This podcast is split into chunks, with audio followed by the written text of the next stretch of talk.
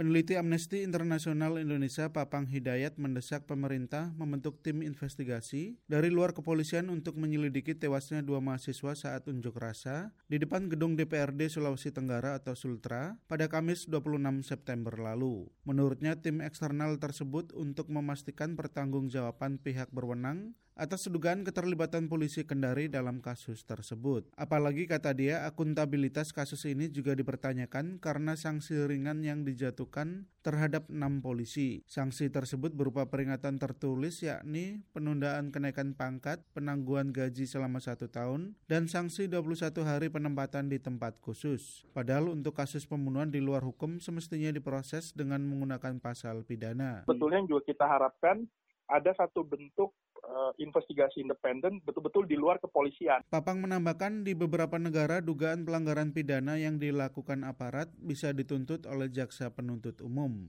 Hanya kata dia sistem ini belum dianut oleh Indonesia. Namun sistem di Indonesia memungkinkan bagi lembaga negara lain seperti Komnas HAM, Ombudsman dan Kompolnas untuk ikut serta dalam penyelidikan kasus yang melibatkan kepolisian seperti yang terjadi di Kendari. VOA sudah meminta tanggapan kepada Polda Sultra dan Mabes Polri terkait desakan dari Amnesty International Indonesia. Namun hingga berita ditayangkan pada Minggu 3 November 2019 belum ada tanggapan. Sejauh ini Mabes Polri telah membentuk tim investigasi dan telah memeriksa enam personel Polda Sultra yang diduga melanggar SOP pengamanan karena membawa senjata api saat menjaga demo mahasiswa di depan gedung DPRD Sultra. Polri juga telah mengirimkan tiga proyektil yang ditemukan di tempat kejadian perkara dan senjata api milik polisi tersebut ke Belanda dan Australia untuk uji balistik. Ketua Komnas HAM Ahmad Tovan Domanik mengatakan pihaknya juga telah melakukan penyelidikan kasus tewasnya dua mahasiswa Kendari itu. Menurutnya Komnas HAM menemukan fakta tentang kekerasan yang dilakukan polisi saat demo September lalu. Namun hal tersebut belum dapat dijadikan kesimpulan bahwa dua mahasiswa tersebut tewas karena senjata polisi. Tim penyidiknya Polri itu masih menunggu.